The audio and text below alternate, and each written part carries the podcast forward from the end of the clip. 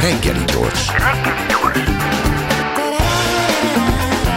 A Klubrádió reggeli információs műsora.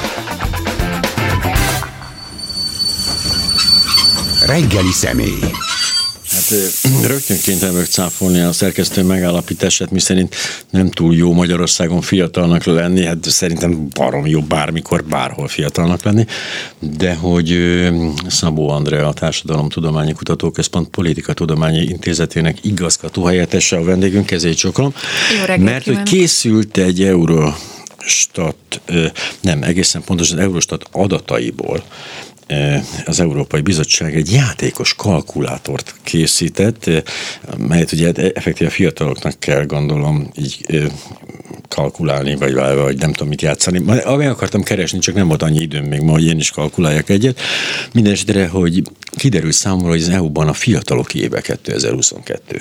Igen, ez nekem is ebből a hírből derült ki. Én viszont rákattintottam erre a oh, kalkulátorra. Na, igen, izgalmas. És nagyon színes szagos, olyan, mint egy amerikai hollywoodi film. Kis fejecskékre le, rá lehet kattintani, hogy nő akarok lenni, vagy férfi, hány Jaj, éves. Jézusom, ez nem hangzott el, nem hallották, én nem volt. Nem úgy értve, hogy eldönthetem, hogy... Igen. Így van, így van, így van, hogy hány éves korcsoportba tartozó, 15, 19, 20, 24 vagy 25, 29, mm. és mindenféle döntési lehetőségeink vannak, és akkor leírja, hogy én egyébként akkor milyen vagyok egy Európai Uniós országhoz képest. Uh-huh. Tényleg nagyon látványos és nagyon érdekes adatok vannak benne, úgyhogy mindenkinek ajánlom, hogy egy kicsit szórakozom vele. A... Tehát ez nem egy kérdőív, ahol én beírom nem, azt, nem, amit nem, én, ez, nem. hanem itt már csak megtudom a adatok alapján, hogy én nekem miért jó vagy miért rossz bizonyos Igen, szempontból. Pontosan ez egy infografikákat tartalmazó adatbázis tulajdonképpen, amiből ki, ki lehet, hogy melyik országhoz tartozom, és onnantól kezdve különböző döntési lehetőségeim vagy, vannak, hogy mi, milyen is vagyok én tulajdonképpen. Például kiderül, hogy, hogy a adott országban, az adott korcsoportba tartozó, tartozók hány százaléka él otthon például a Na, szüleivel. ez izgalmas. És abból kiderül, hogy mondjuk a magyar fiataloknak a túlnyomó többsége azt hiszem több, mint a 60%-a otthon él a szüleivel még 25-29 éves korában is, és akkor az is kiderül, hogy egyébként ezzel nem a legutolsók vagyunk, hanem az utolsó előttiek vagyunk az Európai Unióban, mert az olaszok még tovább élnek otthon. A. A mammával, ugye? Hát, igen, igen, ezt megértem. Itt ez hogy... van, a, nem, a nemek megosztása is megvan, hogy a, kik élnek tovább a szüleikkel, férfiak? Én, én úgy emlékszem, hogy mint a férfiak élnének hát, tovább. Hazudok, itt van előttem a Ja, ja, úgy nyilván. könnyű, hogy igen. a, ott Tehát van. a lényeg az, hogy a 20-24 év közötti fiatalok 81,2%-a él otthon, a férfiak esetében egyébként még rosszabb a helyzet, hogy 86 százalékuk 24 éves koráig nem költözik el, és nagyon kicsit javul 29-ig ez a dolog, mert itt már csak a 61 százalékuk. Igen, igen, igen, marad a csajotom. Ennek egyébként most így mi lehet, így, nyilván nem szerepel benne az ok, hogy miért van ez, de hogy azért következetük. Ennek egyértelműen az, a, az az oka, hogy nem telik albérletre, nem telik, tehát nem, nem tudnak elköltözni fizikailag, vagy ez egy kényelmesebb dolog, hát mégis nem nekem kell a hűtőt feltölteni minden héten. Igen, itt két egymástól Lézben független ok van. Az egyik a lakhatási válság, amely itt Magyarországon van. Tehát lényeges, lényegében a 80-as évek vége óta Magyarországon nincs olyan lakásépítési program, amelyik a fiatalokat célozná meg olyan lakásokkal, amiket bérelni lehetne. Tehát nem uh-huh. saját tulajdont, hanem bérlakás program nincsen. Hányszor ígérték meg, tehát az elmúlt 30 évben minden baloldali kormány Igen. megígérte, hogy majd, majd indul egy ilyen lakásépítési program, aztán persze soha nem lett belőle semmi kerületi szinteken, illetve városi szinteken vannak jó példák. Például a 13. kerületben határozottan van egy ilyen program, hogy bérlakásokat építenek és ez az egyik, tehát hogy nincs lakás, ahova tudnának költözni, illetve ha van, azok rendkívül drágák a, a magyar viszonyok között az albérletek. De a kérdés az, hogy a lakás szám, tehát kevés a lakás Magyarországon, vagy csak egyszerűen ezek rosszul vannak elosztva, mert hogy, tehát hogy igen. Igen, tehát valószínűleg a lakások és az épületek száma nem kevés, uh-huh. hanem az, hogy mondjuk nem a nagyvárosokban van nagyon sok, hanem kis településeken van egy csomó üres. Na most, ha valaki egyetemre jár Budapesten, akkor nyilvánvalóan nem tőle 150 kilométerre fog egy kis településen egy lakóházban élni, hanem uh-huh. Budapesten szeretne egy albéletet, ami gyakorlatilag megfizethetetlen. Tehát ez az egyik ok, a másik ok pedig kétségtelenül, hogy az, az ifjúsági életmód változott meg az elmúlt sok-sok évben, amelyben az, hogy független vagyok a szüleimtől, az nem egy tényező. Tehát az, hogy én szabad vagyok, azt csinálok a saját időmmel, amit akarok, és van egy ilyen lazy életmód, egy ilyen kényelmes életmód, ahhoz bizony hozzátartozik az úgynevezett mama hotel, vagyis, hogy otthon vagyok a szüleimmel, anyám most rám, a kaja megvan, hogyha éppen éhes vagyok, és kisfiam csak vigyázz magadra, és egyébként nagyon vigyázunk rád, ahogy mi tudunk. Szóval, hogy egyrészt van egy objektív tényező, ami a lakások, és van egy nagyon erős szubjektív tényező, amelyik nem csak, ez nagyon fontos, ez nem csak Magyarországon uh-huh. érvényes, sőt nem is itt, itt nálunk kezdődött, hanem ez egy Nyugat-Európában a 80-as években elkezdődő folyamat, és ennek csak itt most már ráültünk a hullámára, hogy ezt szokás mondani, Szóval, és én ebből nem is látok tar- rövid távon kilépési lehetőséget, se az egyik, se a másik oldalon. Sőt, ez egy trend. Én Igen. Csak egy, japán tanul, egy, egy japánról szóló tanulmányt olvastam, ahol még extrémebb a helyzet, uh-huh. tehát ott gyakorlatilag egyáltalán nem költöznek el a szüleiktől a fiatalok, Egyáltalán nem házasodnak például, vagyis hát van egy ilyen nagyon-nagyon komoly házasság ellenesség, főleg a nőkben egyébként, akik azért többé-kevésbé elvesztik a függetlenségüket egy ottani házasságban, és hát majd hülyék lesznek, amikor jól kereső állásban vannak, nagyon Igen. jól érzik magukat. Tehát ott, ott kristályosodik ki, hogy hova juthat még el ez a trend itt is. Ezt nem tudom, hogy tudja-e, vagy a kedves hallgatók tudják-e, hogy a legutolsó adatok az Eurostat legutolsó adatai azt mutatják, hogy egész Európában Magyarországon házasodnak a legtöbben, tehát arányaiban a legtöbben. Nem megéri mert megéri Magyarországon házasodni, de, de ez nem azt jelenti, hogy Magyarországon születik a legtöbb gyerek. Tehát Magyarországon a házasságok száma adataiban, tehát uh-huh. számában is és arányában is rendkívül magas, csak ezek a házasságok, ezek anyagi alapú házasságok, azért köt, vagy jó részt azért kötetnek, mert megéri őket megkötni, és aztán a gyermekszám nem igazolja vissza, vagy a gyermekszám növekedés ezt a trendet nem igazolja vissza. Mi az az adat, amire mindig hivatkoznak, hogy a termékenységi mutatók itt Igen. nőttek a legtöbbet? Ennek semmi értelme nincs. Hát ez azt jelenti, hogy a szülőképes korban lévő nők, ha jól emlékszem, a 15 és 40 év közötti nők, ez a mutató azt jelenti, hogy a 15 és 40 év közötti nők hány gyermeket szülnek életük során abban a időszakban, uh-huh. amíg ők termékeinek számítanak. Egyébként ma már a 40 éves kor ki van értelemszerűen tolódva, de a statisztikák még már megmaradtak uh-huh. 40 évnél és az látszik, hogy kétségtelenül valami növekedés történt az elmúlt tíz évben, 1,53-ról fölment 1,59-re, de ez még messze van attól, hogy önmagát újra termelő társadalomról legyen szó. Ez egy fogyó társadalom mindenféle szempontból, de kétségtelenül ez a 0,6 pontos növekedés ez látszik a statisztikákban. Ez azt hát jelenti, nagyjából hogy ennyit jósoltak előre, amikor Igen. bejöttek ezek a családbarátnak nevezett, bár elsősorban inkább szülésbarát intézkedések, hogy, hogy igen, tehát ezek, ezek ezrelékek, néhány százalék töredékek, ezek, ezek létrehozhatók, nem megoldható a probléma, a demográfiai probléma ezáltal, de ez erre alkalmasak igen. ezek a intézkedések. Az a rossz hírem van, hogy a környező közép-európai országokban mindenütt lezajlott az elmúlt tíz évben ez a fajta növekedés, oh. anélkül, hogy őrült összegeket, megszámlálhatatlan összegeket tettek volna a családpolitikába, ugyanis ez egy demográfiai folyamat. A közép-európai országokban a rendszerváltás, a 88 és 92 között lezajlott rendszerváltások után, és abban az időszakban drámaian csökkent mindenütt a népességnek az, az, az aránya, és ez a termékenységi mutató elkezdett csökkenni, és óhatatlanul történik egy demográfiai fordulat valamikor a 2000-es évek végén mindegyik országban, és mindegyik országban elkezdett növekedni ez a bizonyos termékenységi mutató. Bulgáriától egészen föl Lengyelországig, és ebben a trendben Magyarország is ott van, tehát lényegében ugyanazt a folyamatot írjuk le, csak nálunk sokkal nagyobb pénzeket adnak De hát akkor ez nagyszerű, hát megfordult a folyamat, most ezt a 1,59, 1,7, 2,3, és... I- igen, attól tartok, hogy ez nem olyan oh. nagyon egyszerű. Tehát az 1,59-től eljutni a kettőig, az matematikailag nagyon egyszerű, egyébként de a valóság igen? egyébként ettől nagyon távol áll. Tehát ehhez drámai módon meg kellene növekedni, nem az első, hanem a harmadik gyerek meg, megnövekedni. Tehát Nyilván az, ott. A, ott van, a, ott van az ugrás a második és a harmadik között. De miért nem jó akkor, legalábbis a szerkesztő miért írt az, hogy nem annyira jó Magyarország? Hát ha otthon lehet ilyen csomóig lakni, az mondjuk nem a rossz. Miért nem annyira jó fiatalnak lenni Magyarországon most? Igen, én szerintem ez egy cikk, amit átvett az ön szerkesztője, Bizonyára. és a, az, az eredeti cikk, ha csak a statisztikákat nézzük, akkor nem annyira jó fiatalnak lenni Magyarországon, és akkor itt rögtön azt szeretném mondani, de hogyha nem a statisztikákat, hanem az attitűdöket és az érzeteket nézzük, akkor azt kell, hogy mondjam, hogy Magyarországon nagyon jó fiatalnak lenni, vagyis nagyon jól érzik magukat a fiatalok.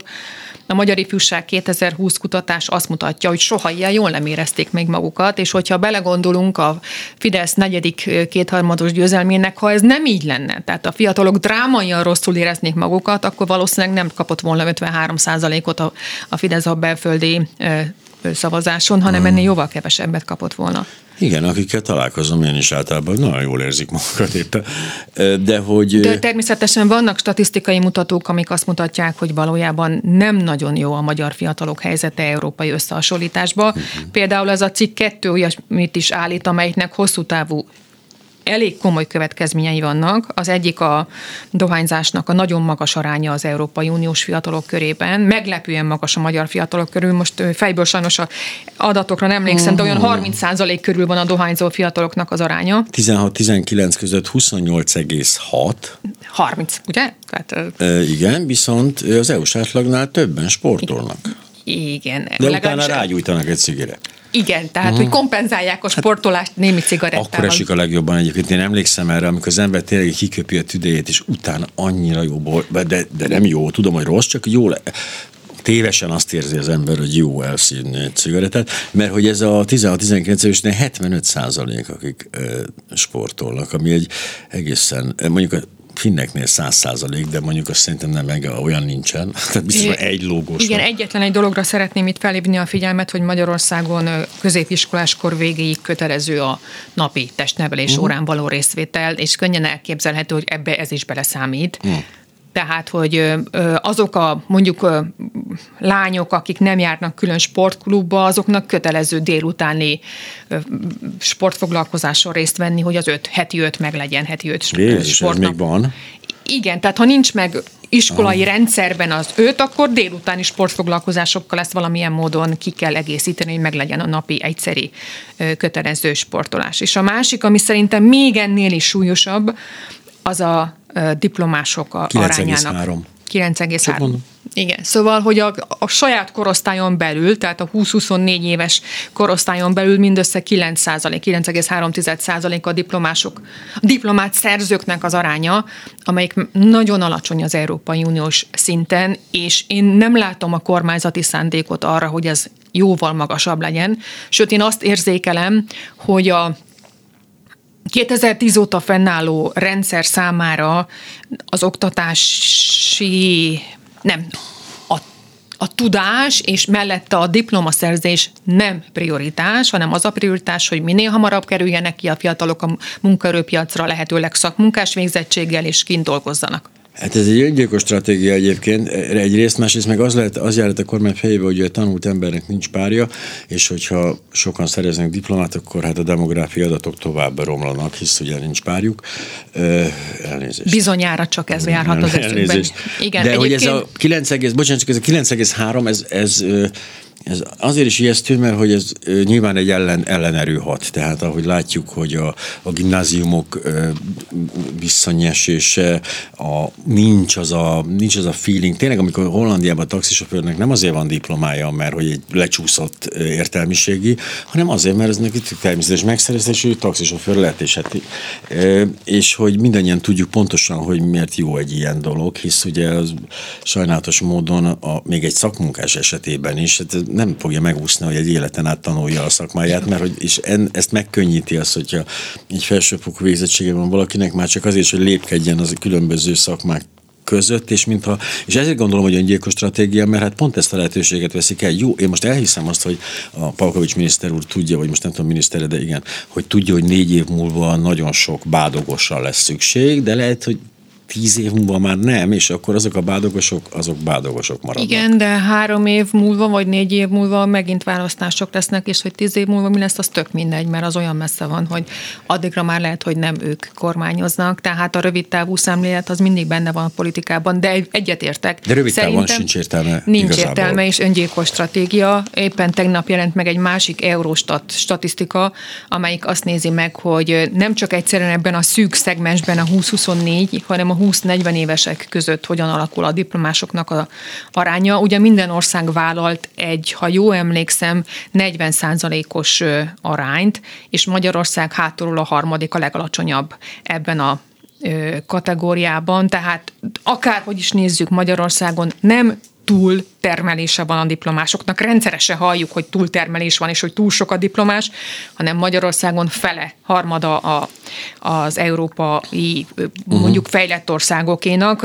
A tegnapi statisztika azt mutatta egyébként, hogy hátulról Románia, Olaszország és Magyarország van a diplomások arányát tekintve az, hogy így korosztályra a korosztályra nő a szakadék a férfi és a nő diplomások között, az, az mindig így volt? Mint úgy emlékeznek, ez régebben is azért több nő szerző diplomát. Igen, a 80-as években ez még nem így volt, tehát a 80-as hmm. években még több férfi járt egyetemre oh. és főiskolára, mint nő, és aztán a 90-es évektől kétségtelenül ez a trend megfordult, és egyre több fiatal lány az, aki egyetemre kerül, és egyre kevesebb a fiúknak a az arány. Ez azért nagyon érdekes, mert ebbe a korosztályban egyébként még férfi többlet van, tehát több fiú van, mint lány, és mégis az egyetemeken is a hát ugye ma már nincsenek főiskolák, de korábban a főiskolákon viszont több több nő tanul, és ennek nagyon sok összetett oka van, közte az, hogy a gimnáziumok a, elsősorban a középosztálybeli lányok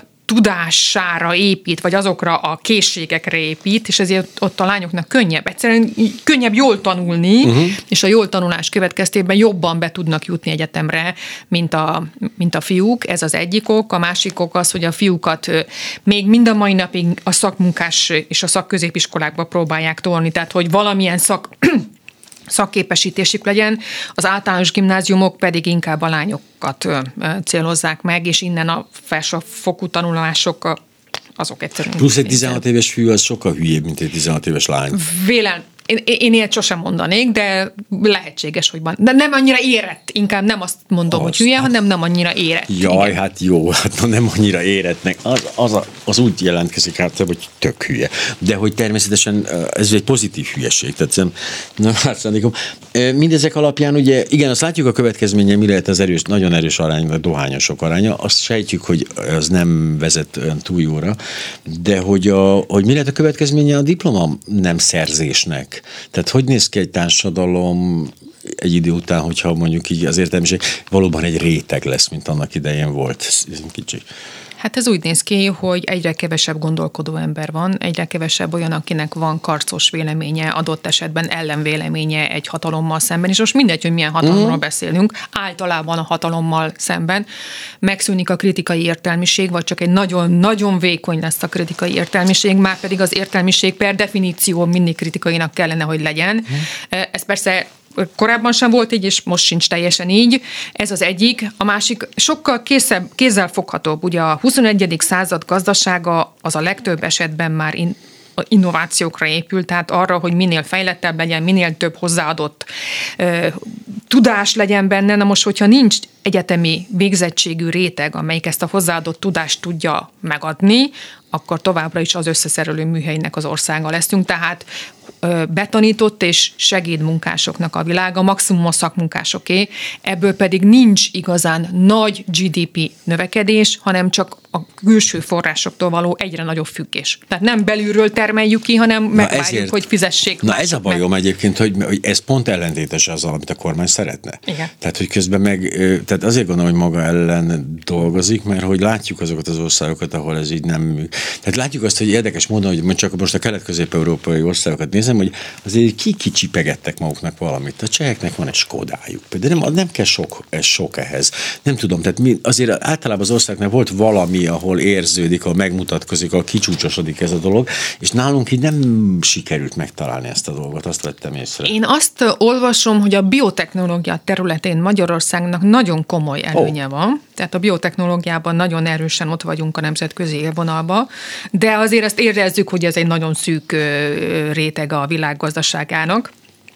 Tehát, hogy van néhány ilyen terület, ahova komoly pénzek mennek, de ez is folyamatos utánpótlást igényel. Na most egy olyan ország, ahol 7, azaz 7 darab ember jelentkezik fizika tanárnak, vagy aztán mit tudom én, 8-15 kémia tanárnak, ennek hosszú távú következménye vannak, hogy lehet, hogy most még van biotechnológiával foglalkozó szakemberünk, de tíz év múlva már nem biztos, hogy lesz biotechnológiával foglalkozó emberünk, mert nem fogja az általános, illetve a középiskába kinevelni az ilyen fiatalt. Részben ez is ez igaz lehet, részben pedig azt tapasztalom, hogy egyrészt a, tehát eltűnnek néhányan a fiatalok közül a külföldi egyetemeken, tehát azt gondolom, hogy legalábbis így a szem elől eltűnnek, és hogyha ha, és ennek van értelme, tehát azt látom, hogy igazából... Nem eltűnnek, ez stratégia, hogy elmennek. Értem, hát én Igen. is így gondolom, csak hogy a radar, a radar, Igen. a radar nem veszi be őket, és hogy ez működik, tehát hogy ez nem véletlen, hogy ugye az inas évek után volt egy ilyen vándor, vándor szakasz, tehát hogy, hogy én nem vagyok benne biztos, hogy a belterjesség ebben a szempontból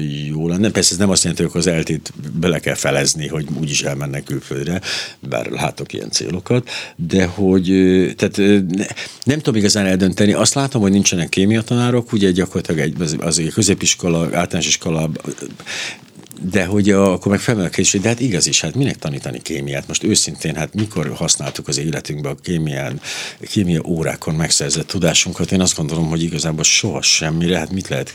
Drogokat csinál az ember, vagy bombát? Tehát mind a kettő nagyon haszontalan. Hát azért attól tartok, hogy ennél kicsit bővebb a kémia lefedettsége. A PDS készített egy kutatást, ahol azt kérdezte meg, hogy az általános iskolákban hány százalékos a tanárhiány, és elhoztam az adatát, direkt kiírtam az iskoláknak a 69%-a tanár, és 56%-a tanító hiányjal küzd. Uh-huh. Tehát a tanító hiány az azt jelenti, hogy az 56 százalék, hogy már az elsőtől negyedik osztályig terjedő időszakban sincsenek szaktanárok, tehát már eleve a írás-olvasás matematikai alapkészségek megtanításánál is komoly problémák vannak, és aztán amikor felmennek felsőbe és vagy középiskolába, ott meg aztán drámai a szaktanároknak a hiánya, és a szaktanárok hiánya ma már nem csak a természettudományos tárgyakra, hanem a nyelv, nyelvtanításra is kiterjed. Hova tovább, most már ott tartunk, hogy a bölcsész tudományok tekintetében is hiányokról beszélhetünk, pedig hát régen azt mondták, hogy bölcsészből annyi van, hogy azt már nem is kell már bölcsészeket tanítanunk, hanem csak kizárólag matematikával, fizikával és természettudományokkal rendelkezők. Na most oda nem mennek emberek, és most már ott tartunk, hogy a bölcsész... Bármelyik szórakozó helyen az ember eldobott egy boros kólát, legalább két bölcsészt eltalált igen, vele. a BVK-t látom, ugyanabból a kultúrkörből érkezünk. Én természetesen szemlélője voltam ennek a jelenségnek, de... Igen, igen el is tudom képzelni valóban de, de én köszönöm inkább valami töményet, de hogy a fiatalkori munkanélküliség, illetve az viszont nagyon érdekes, hogy sokkal kevesebben vannak, akik utaznak, vagy önkénteskednek. Uh-huh. Ez is engem az önkénteskedés lefett meg egy picit, mert a környezetemben azt tapasztalom, hogy rengetegen. De ez valószínűleg ez azért van, mert olyan közegben Igen, vagyok. azt akartam mondani, hogy egy középosztálybeli, esetleg felső középosztálybeli nagyvárosi közegben dolgozó, gondolkodó és élő emberek esetében a gyermekek nagyobb aránya önkénteskedhet, mint bárhol másutt. Egyébként Nyugat-Európában és az Egyesült Államoknak egy rendszere épül ki az önkénteskedésnek. Uh-huh. Például nagyon nagy arányban az amerikai fiatalok befejezik 17-18 évesen a középiskolát, és adnak maguknak egy évet, amikor elmennek ön, önkénteskedni külföldre, de egyébként Amerikán belül bárhova, elmennek ilyen táborokban, ahol ők táboroztatnak fiatalabb gyerekeket, tehát ennek komoly rendszere van, uh-huh és Nyugat-Európában sem ismeretlen ez az önkénteskedési szisztéma, de a magyar fiatalok teljesen kimaradnak ebből a gondolkodásmódból. A gyakorlat, mint olyan, az nincsen benne a magyar középiskolai és az általános iskolai képzésben, viszont egyre többen dolgoznak egyébként ebben a korosztályban is, egyszerűen megélhetési okok miatt, uh-huh. és másrésztről pedig, miután nincs gyakorlati képzés az iskola rendszerben, egyszerűen nincs, tehát fizikailag nincs, ezért nagyon sokan úgy szereznek gyakorlatot, hogy elmennek valahova dolgozni. Nálunk az egyetemen én ugye az eltén tanítok, majd minden második hallgató tanul is. A tanulás mellett dolgozik is, tehát hogy egyszerűen... Mit értünk gyakorlat alatt ilyen esetben? Tehát, hogy mi, mi az a Hát, régen... Mi ez a gyakorlat, amire egy eltésnek is szüksége van mellette? Hát például bármelyik kutatóintézetbe elmegy gyakornoknak, vagy ja, hogy ilyen gyakorlat igen, igen, Aha, szervezet, ja, ja, ja, szervezet ja, ja. képzések, ahol nem csak egyszerűen azt tanulják meg, hogy mi az elmélete valaminek, hanem kipróbálják magukat. Vagy... De azt tudom, például az elméleti fizika szakon az eltében van három labor, tehát azért milyen jól állnak ők ebben akkor. Igen, nagyon jó nem. Hát azért az, igen. igen. elméleti fizikusoknak egy labor is elég lenne. E, igen, igen, igen, igen. de mondjuk a társadalomtudományoknál anélkül, hogy gyakorlaton lenne, az mondjuk elképzelhetetlen. Uh-huh. De már mondjuk... a középiskolás korban is nagyon fontos lenne, hogy megismerjenek az iskola falain túli dolgokat, hogy hogyan működnek bizonyos rendszerek például, tehát egyszer már beszélgettünk arról, hogy volt egy V4-es kutatás, uh-huh, uh-huh. 2021 nyarán, és volt egy olyan kérdésünk, hogy részt vette valamilyen gyakornoki programban, kérdeztük ezt 15-29 évesektől, és határozottan emlékszem az adatokra, ugye Csehország, Lengyelország, Szlovákia és Magyarország volt benne, és a V4-es országok közül háromban 60%-a a fiataloknak mondta azt, hogy igen, nálunk meg 60%-a mondta azt, hogy nem, azaz semmilyen gyakorlati jellegű képzésben nem vett részt. Ezek olyan egyszerűen megoldható problémáknak tűnnek. Tehát az, a, a, a, még talán pénz se kellene, sőt, pénz se kellene hozzá. Ezek nem? együttműködéseken kellene, hogy alapuljanak. Egyébként voltak kísérletek, emlékszem pont erre, hogy az önkéntes, az önkéntes munka stb. rendszerbe kerüljön, több ilyen kezdeményezés volt a rendszerváltás után, emlékszem ezekre, ahol megpróbálták vagy az amerikai gyakorlatot átvenni, vagy a nyugat-európait, és ezek közül működik is vala, csak ilyen nagyon... Igen, tehát hogyha egészen pontosan nézzük, akkor ma Magyarországon csak úgy érettségizhet egy fiatal, hogyha végez önkéntes munkát, meg van határozva, hogy hány órát kell. Bevallom őszintén most fejből nem emlékszem, hogy azt hiszem 40 órát vagy 50 órát, de tehát egész valamennyit kell. végeznie kell, de azért ennek a rendszere sincs teljesen kidolgozva, tehát előírták, benne van a törvényben, csak éppen nem adták hozzá meg az megfelelő eszközöket, ahogy ezt Magyarországon de ez olyan, mint a közmunka, hogy akkor egyik dombot áthordjuk oda, és akkor visszahordjuk a... Ezt lehetne vagy... okosan csinálni csinálni. Nyilván. Igen, és vannak iskolákkal, ezt nagyon szépen megoldják.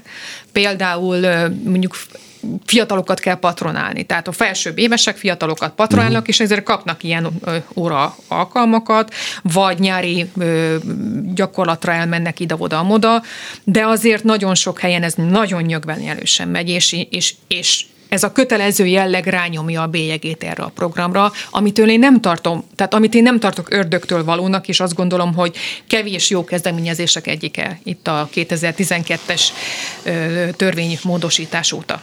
Igen, pont azt gondolkozom, hogy napi testnevelés helyett például ez is, de nem helyett, persze nem, nem kell kiváltani teljes mértékben, bár én ugye a, a, a abszolút elkötelezett híve vagyok annak, hogy, hogy tehát utazás mozgás nélkül eh, mozgalomnak, tehát nem vagyok abban eh, biztos, hogy, a, hogy nem véletlen az ugye, hogy a tigrisek sem edzenek, hanem úgy el, elvízik a dolgokat.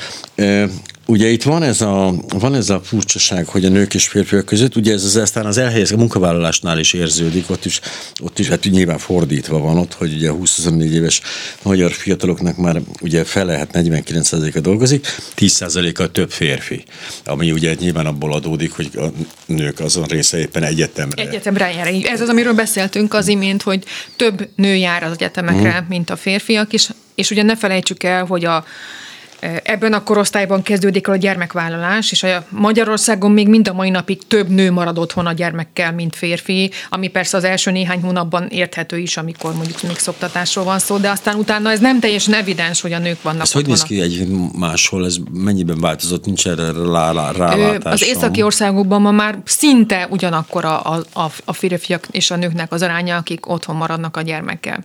Hát jó, de ott meg a migránsok megeszik a Bibliát. Igen, Na, így van. Hát azért ott sem tettenék. De hogy tényleg ott az, az kiegyenlítődött, az nyilvánvaló. Sőt, hát ugye egészen döbbenetes módon még akár miniszterelnök is lehetnek a nők az északi országokban, ami hát igen, és ráadásul akár úgy, hogy gyermeket vállalnak.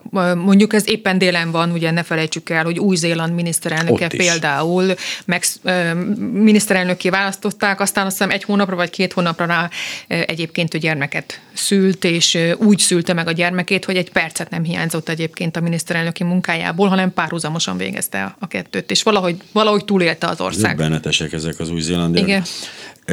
Azt figyeltem, hogy, és ez most egy kicsit eltér fiatalokról, de hogy mostanában a negyedik Orbán kétharmadnál már a látszatra se figyelnek igazából, hogy egy-két nő így ott legyen a képeken. Van egy. Hát, jó, azt mondom, hát az, az, az a legrosszabb, mert ha egy se lenne, akkor az, az, az nem lenne feltűnő. Egy nő, az ott... De ő szereti a futballt, és nagyon jól jó, hát. futballozik. És egyébként hegedül is és egyébként titkossá tették azt, hogy ezentúl kiírja alá megfigyelési... De hát ez így helyes. Mert hogy... Minél hát, több titkosság, az jó.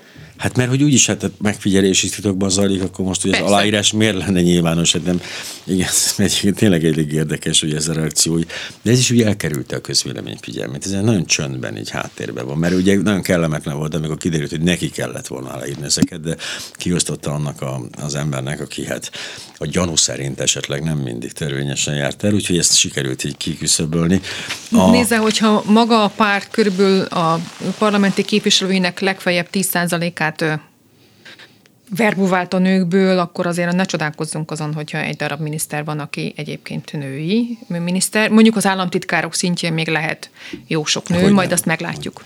De hát épp ez a lényeg, hogy a Fidesz nem azt nézi, hogy ki férfi és ki, hanem ki alkalmas. És ő nem válogat ezek szerint, hát pont az a baj, amikor ugye a kvótarendszerrel ezt már kifejtették, hogy hát ők nem azt nézik, hogy nő vagy férfi, hanem az alkalm, csak az alkalmasságot vizsgálják, és hát így alakult. Igen, de azt se felejtsük el, hogy ma már a köztársaság elnök egy hölgy, tehát ez egy nagyon fontos újítása a magyar közjogi rendszernek, és Igen. adjuk meg a még csak néhány hete hivatalban lévő köztársasági elnöknek, hogy, hogy jó női köztársasági elnök lesz.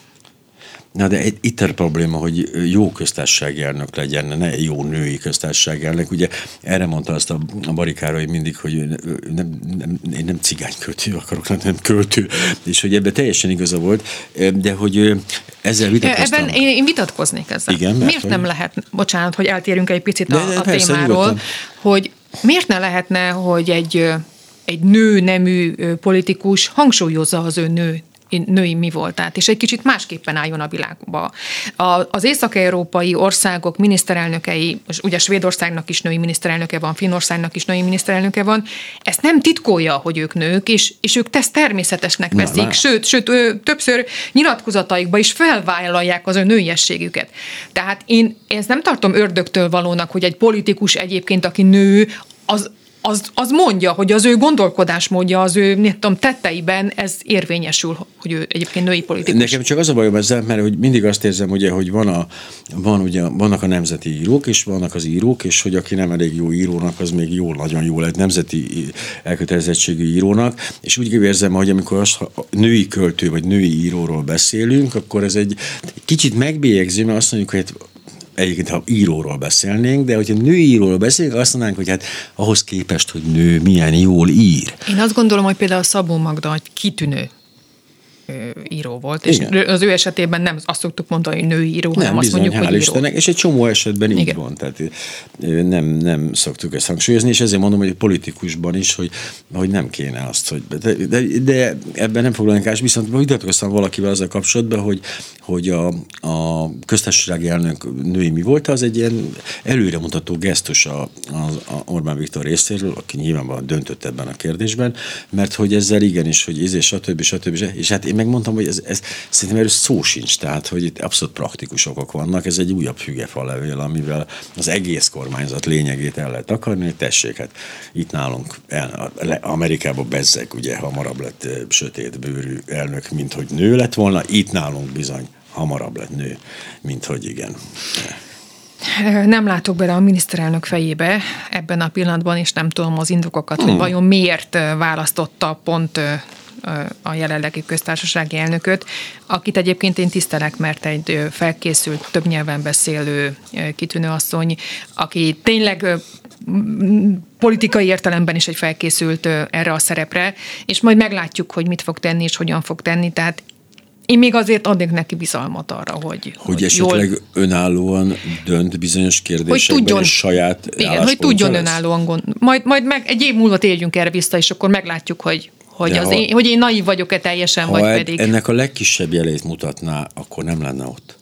Tehát nincs az az Isten, hogy Orbán Viktor valaki olyan köztársaság, aki a, egyáltalán gyanú fölmerülhet, hogy önálló döntése van. Tehát ez sajnos a, az ő kinevezése önmagával kizárók. De jó, de le, ne legyen igazán, én a cinikus állásmódot képviselem, tehát én biztos vagyok benne, hogy, hogy hát egy ekkora kockázatot nem vállalna, még a mostan konszolidálódott negyedik kétharmad alatt is, amikor hát olyan emberek tértek vissza, hogy Racsics, nem is tudom. És hogy most, hogy felmerült a Géfodor részéről a Fideszen belül ellenzék megteremtése, szerintem hamarosan előszedik Pokorri Zoltánt is, de hogy, és hogy ezt a konszolidáció jelének venni, hát nem tudom. Szerintem inkább összeengedi a régi ellenfeleket, aztán hat folyjon a vér. A, a, ez a konszolidáció kifejezés egy nagyon érdekes választás szociológiai értelemben a konszolidáció az 2018-ban kezdődik választás szociológiailag akkor nevezünk egy választást konszolidáló választásnak, amikor magasabb részvétel mellett több szavazatot kap a kormánypárt, és 2018-ban magasabb részvétel mellett több szavazatot kapott. Tehát ez a folyamat 2018-ban indult, és nem 2022-ben. 2022-ben a részvétel gyakorlatilag ugyanakkora volt, de nagyságrendekkel több szavazatot kapott, tehát a konszolidáció eredményét látjuk 2022-ben, és nem magát a konszolidációs folyamat kezdetét, tehát ez már egy hosszabb folyamat minimum négy év óta zajlik ez a konszolidáció, még ha ezt mi nem is veszük észre. Hozzátenném egyébként, hogy Nagy Attila Tibortól meg tudtam, hogy 2014-ben történt a konszolidáció, épp a mai műsorban, de ezzel nem veszünk Szabad össze. megkérdezni, hogy miért? Mi, hogy mi volt az érve a 2014 mellett? Azt hiszem, hogy a Simicska konfliktus lezárására vezette vissza, ja, és ott, oda, de hogy ez most ez, ebből a szempontból nem is lényeges, de azt gondolom mégsem, a, hogy mégsem nyilván mást értünk ez alatt politikai értelemben és egyéb értelemben. Én azt értem az alatt, hogy esetleg azt mondani, hogy akkor leveszem, a, tehát nem térdelek tovább az ellenzék torkán. Tehát például ezt egy konszolidációs jelnek venném. Miért van ellenzék? Tehát van, akin a, a térdünket tartsuk? Hát ez nem, nem, hogy ellenzék van, hanem ellenzék összefogás van. Tehát, hogy most már egyfajta érett, felelősségteljes politizálásba fogott az ellenzék, és együtt indult el a... Akarunk erről beszélni? De nem, nem, nem, tényleg, tehát igen, tehát értem a, értem a felvetést, de hogy minden esetre azt mondanám, hogy akkor nem is azt, hanem azt mondanám, hogy például elképzelhetőnek tartom, hogy olyan, olyan vállalkozók, tehát nem elkötelezett fideszes vállalkozók is gyernek pályázatokat, hogy a médiatanácsba bekerül valami valaki, aki nem konkrétan a Fidesztől kapja a fizetését, hogy a köztévében esetleg egy picit elmozdul, nem 70 De például 30. a köztévében megkezdődött rögtön a választások után Igen. az elmozdulás, tehát azon a területen, mintha látnánk némi, némi kicsi elmozdulást, például behívtak ellenzéki politikusokat, amiket egyébként 8 éve egyet sem. Választás után. Választás után természetesen. Ja, igen. Igen. Ne felejts el, hogy volt egy egyórás nagy márkizai interjú Hogyne, a köztévében. 48 perc. Bocsánat, 48 Igen. perc, tehát nem 60, csak 12 percet tévedtem, elnézést kérek és más ellenzéki politis, politikusok is bekerültek hirtelen a köztévébe. Egyébként ez önmagában egy nagyon érdekes kérdés, hogy bemenjen egy, egy ellenzéki politikus, vagy egy ellenzékinek mondott politikus a köztévébe ezek után, de hmm, ezt nem, nem ez az a én kérdés. dolgom. Az a kérdés, hogy bemenjen a parlamentbe. Az is egy kérdés, így van. Mert én, én, fú, szóval nekem ez, ez komolyan dilemma. És most láttuk egyébként, hogy mindenki mondta, hogy mit nem, meg hogy hogy nem, meg hogy csak azért nem, és ez egy döcög a munka most. Már szépen ott vannak, így működnek, így el vannak ezekkel a dolgokkal, szóval... Igen, szóval, hogy a kérdés az ott van, hogyha elindulunk egy választáson, már pedig ezek kétségtelenül elindultak a választáson, sőt, voltak emberek, akik mandátumot szereztek a, a választáson, onnantól kezdve legitimáltak egy egy választás, és a választás eredményét is legitimálták. És hogyha legitimáltak egy választást, és a választás alapján létrejött rendszert, akkor miért is nem mennek be dolgozni a munkahelyükre? Tehát ez egy bonyolult, szerintem ez egy nagyon bonyolult politikai és politológiai kérdés is, hogy mi a helyes teendő egy ilyen esetben. Igen, én az, az azért, amivel vitatkozni szoktam, hogy hát ők arra, arra kapták a felhatalmazást, hogy képviseljék azokat az ellenzékeket, és a kérdés, hogy tudják-e képviselni.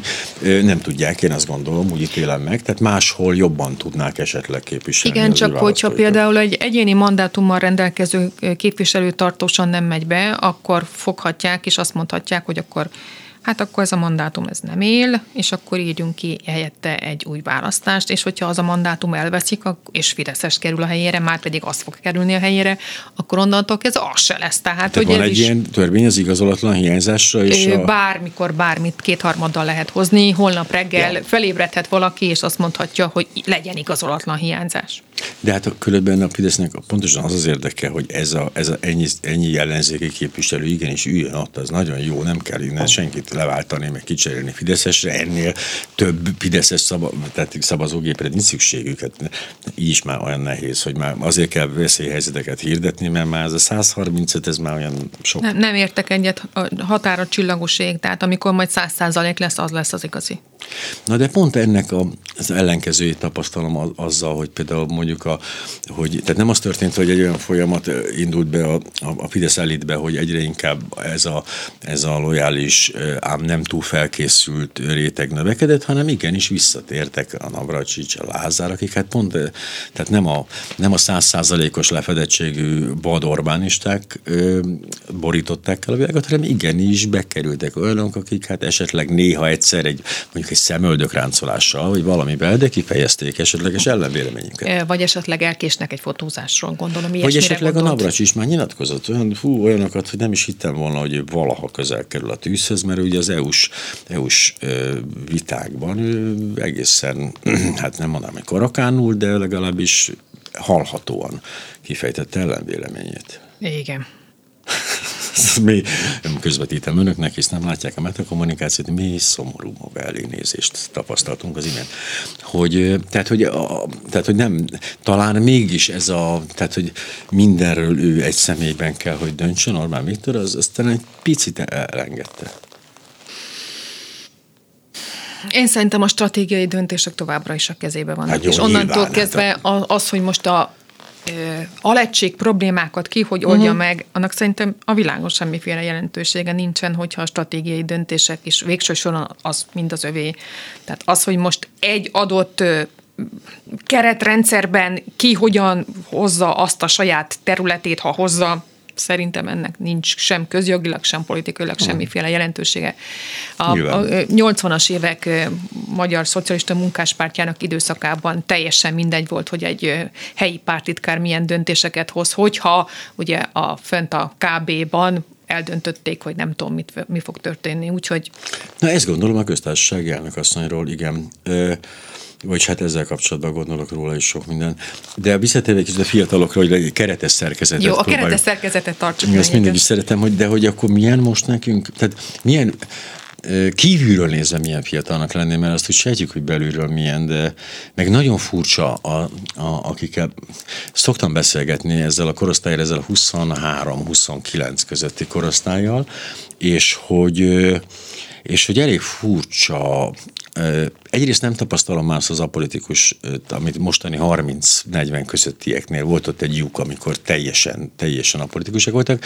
Tapasztalok, tapasztalok egy ilyen aktivitást, meg egyfajta ilyen, még akár lelkesedést is, ilyen egészen furcsa politikai kérdések irán, de közben közben sokkal inkább látom azt a, azt a nem is tudom, tehát tényleg vagy, vagy tudja, hogy külföldre akar menni, vagy nem tudja, hogy mit, mit akar csinálni. Igazából nem látok bennünk ilyen nagy, nagy itthonmaradási és érvényesülési szándékot. Én úgy tapasztaltam a különböző kutatásokból, hogy nincs ilyen, hogy egységes magyar ifjúság. Az biztos. Tehát nem lehet azt mondani, hogy attól, hogy valaki ebbe a korosztályba tartozik, az egy egységes uh-huh, ifjúságot igen. képezne, hanem rendkívül differenciált, és nagyon sok egyéni életút van, és ezek az egyéni életutak, ezek ritkán találkoznak egymással. És a másik, ami szerintem a legsúlyosabb problémája ennek a korosztálynak, hogy annyira rétegzett, hogy az egyes rétegek között nagyon kicsi az átjárás, tehát a, a társadalomban révő ellentétek és ez a mobilitás hiány, ez tulajdonképpen a fiataloknál is érvényesül, és még egy, ami nagyon érdekes, hogy nem ugyanazt a nyelvet beszélik. Tehát a társadalom, az ifjúsági társadalom különböző rétegeit nem ugyanazt értenek bizonyos kifejezések alatt, mert olyan távol vannak egymástól. Egy budapesti mondjuk jó körülmények között élő fiatal nyelvezettel sokkal inkább nyugat-európai jellegű, mint egy, most nem akarok semmilyen sztereotípiát mondjuk mint egy, egy kis, nem mint egy nem budapesti, budapesti igen, ez a- kis településen élő, mondjuk legfeljebb nyolc osztályt vagy szakmunkás képzelő végzettséggel rendelkező fiatal. Egyszerűen nyelvileg elkülönülnek sos, ez egymástól. így volt, nem? Hát azért nem, tehát azért most ha, ha, ha a szlenget kívül, mert ugye a szleng az mindig egy szubkultúrához kötődik, azért azt nehezen lehet állítani, hogy a 80-as években nem ugyanazt értettük volna bizonyos kifejezések alatt a, a egyik és a másik, mert nem volt ugyanakkor, nem, nem volt akkor a távolság között. Lehet, ez lehet, igen. Most, most óriási távolságok, átvághatatlan és ágháthatatlan távolságok vannak az egyes fiatalok, fiatal rétegek között, és úgy tapasztaltok az elmúlt húsz évben, hogy ezek a távolságok, ezek növekedtek. Tehát nem De hogy lehet, hogy közben meg ugye, közben, ugye 80-as években gyakorlatilag nem volt azért ilyen ennyi összekötő pont, ennyi, ennyi szociális felület, ennyi, tehát igazából azt gondol az ember, hogy most aztán ne, nem választja el távolságot, szóval Makó, illetve hát Jeruzsálem, amit tudjuk, hogy Makó nem település, de most mindegy ideillik, de hogy azt gondolják, hogy most sokkal közelebb van egymáshoz, világfalu. Hát itt a, a batonyaiak ugyanúgy csacsoghatnak a rózsadombiakkal a, a bármelyik cset, cset szobában, vagy cset, cset, cseten, amint eddig.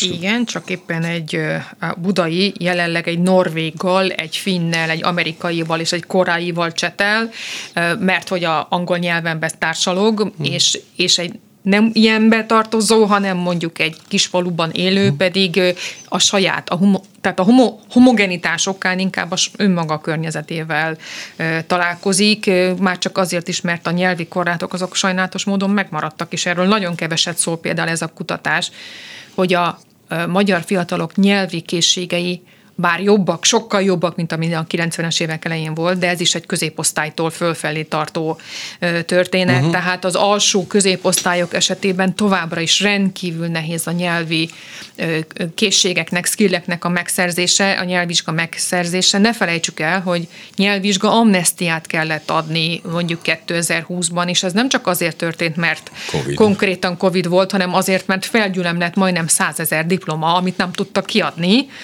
és és ennek az az oka, hogy egy bizonyos társadalmi réteg alatt egyszerűen nem lehet az általános, illetve a középiskolai angol tanításból angol diplomát, vagy angol nyelvvizsgát szerezni, ehhez plusz költségekre van szükség, és ezt viszont nem tudják megfizetni. Illetve el- elindult egy nagyon furcsa, eznek is ilyen ellentartó trend, ami egészen ijesztő volt. Ugye nem tudom hány Orbán kormányjal ezelőtt volt ez, amikor az a kedvencem volt, hogy hát nem angolul kéne tanulni, hanem a szomszédos nyelveket kéne megtanulni, szlovákul, románul és Ö, Nem, az első az az volt, hogy német, tehát ne az angol legyen, hanem a német legyen az, az, az első Ilyen nyelv. volt, igen, igen, aha. határozottan, ez 2011-12-ben erről egy élénk Mhm. vita volt, hogy német legyen az első nyelv, hiszen az közelebb van hozzánk, mint az angol, de aztán meggyőzték a döntéshozókat, hogy azért lehetséges, hogy még mindig az angol a világnyelv, és nem pedig a német. Bár azért tegyük hozzá, hogy a mandarinul sokkal többen beszélnek, mint angolul. Igen, talán akkor mandarint is lehet bevenni. Egyébként van Budapesten például kínai iskola, tehát hát. többszörös túljelentkezéssel, tehát ez egy, Hát ez egy majd, jó ha jel. megjön a Fudán, akkor meg aztán Igen. végképp működni fog ez, hát illetve nem feledkezzünk meg az orosz nyelv hasznosságáról most, azt hiszem, hogy ez most így ismételten előkerül, de hogy, de hogy igen, ez volt az első, tehát a német, utána jött ez, de ez csak egy ilyen, szerintem csak egy ilyen aranyköpés volt ez a szlovák és egyéb, de hogy azóta sem változott meg ez a dolog, hogy nem, igazából a nyelvtudás sem érdeke, a, ahogy elnézem ennek a, ennek a drillnek, a, mert hát ha, ha a diploma nem, akkor a nyelvtudás sem.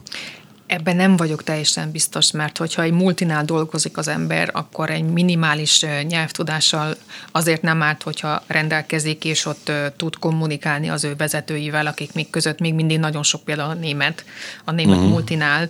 Tehát egy minimális, egy alapszintű, mondjuk német tudást, azt azt azért jónak tartanak a, a döntéshozók. Más nyelvek esetében kevésbé vagyok ebben biztos, de elképzelhető, hogy ez az alapszintű német nyelvtudás ez szükséges mondjuk a, a szakképzésben is. Tehát pusztán az, hogy ami szintén értetetlen, hogy egy, egy, egy kis faluban, vagy egy, egy, egy közepes városban miért beszélnek kevesebben angolul, mint, mint a második kerületben, de jó érthető, érthető nyilván társadalmi okai vannak, és nem azért, mert ott nem elérhető az internet, de hogy ez önmagában elválasztja egymástól ezt a két réteget teljesen, és el is szigeteli.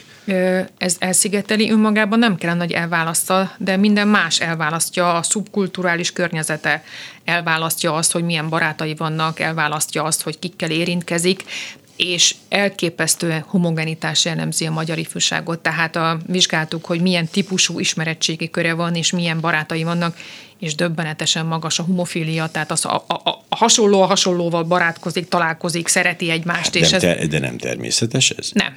Tehát mondjuk Mert Nyugat-Európában ennél sokkal magasabb azoknak az aránya, akik nem csak a saját környezetükből eh, barátkoznak, találkoznak, szeretik egymást, hanem eh, próbálnak egy kicsit tágabb környezetből találkozni. Ugye a magyar iskolarendszer önmagában egy rendkívül szegregáló és homogenizáló iskolarendszer, már pedig a barátoknak és a szerelmeknek egy jelentős része az iskolarendszerből adódik. Tehát, hogyha mondjuk a középosztály elkülönül az elit iskolákban, akkor nyilvánvaló, hogy a, eh, ezekben a középiskolákban olyan szerelmek születnek, amik hasonló környezetből adódóak.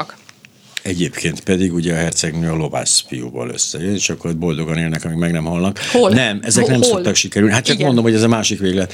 De hogy, hogy igen, e- én és nem mondanám, hogy direkt járok ilyen közegbe, de, de egy véletlen folytán én elég gyakran fordulok meg egy olyan véletlen közegben, ahol semmilyen, se politikai, se társadalmi, semmilyen alapon nincs szelekció, ott emberek vannak, akik nagyon furcsa módon egészen távolról, távolra jönnek, idős volt, ex-ruhatáros, nyugdíjas, fideszes van benne meg, elméleti fizika szakos, másodéves. Tehát egy nagyon furcsa ez a és iszonyatosan szórakoztató, meg re- rendkívül informatív. Tehát uh-huh. nyilván de hogy baromi nehéz ilyet találni. Tehát azt gondolom, hogy, hogy vagy valami nagyon speciális hobbi kell, azt vettem észre, tehát hogyha valaki nem tudom, mi madagaszkári pálmosodrót nevel, és nagyon kevesen nevelnek az országban madagaszkári pálmosodrót, azok a közössége. Nyilván nem lehet az alapján összevetni, és legyen SDSS mondjuk, mert az így túlzás lenne, vagy, vagy, pedig, vagy pedig valami szerencsés véletlen kell hozzá, de ezt nem, nem lehet ilyen hirdetéseket Mondok nem egy látok. adatot. A magyar egyetemi, tehát a felsőoktatásban ma egy százalék, maximum másfél százalék a legfeljebb nyolc osztályt végzett apáknak a gyermekének az aránya. Egy százalék. Ö, Tehát százból egy ember olyan, Ez nagyon akinek... első generációs értelmiségéről beszélünk. Hát ez nagyon első generációs, és Nyugat-Európában ez 10 százalék fölött szokott lenni. Ó, Tehát ez egy tízszeres különbség. Ez, ez döbbenetesen magas. A, a, és ugye, ahogy megyünk előre az időbe, egyébként ez Nyugat-Európában egyre, egy, egyre kevésbé kérdést, mert nagyon sok a, az azonos korosztályban a diplomásoknak az aránya. Nálunk pedig ez egy tovább élő probléma. 97-ben írtuk le a kutatótársaimmal együtt ezt az egy-másfél százalékot, azóta eltelt, ki se tudom számolni, hogy hány év, és ugyanott maradtunk, egy-másfél százaléknál. Szabó Andrea, a Társadalomtudományi Kutatóközpont Politika Tudományi Intézetének igazgató helyettese volt a vendégünk, és így közben meg el, elrohant mellettünk a Csermely léptőidő, úgyhogy így lekonf következik, búcsúzom. Köszönöm.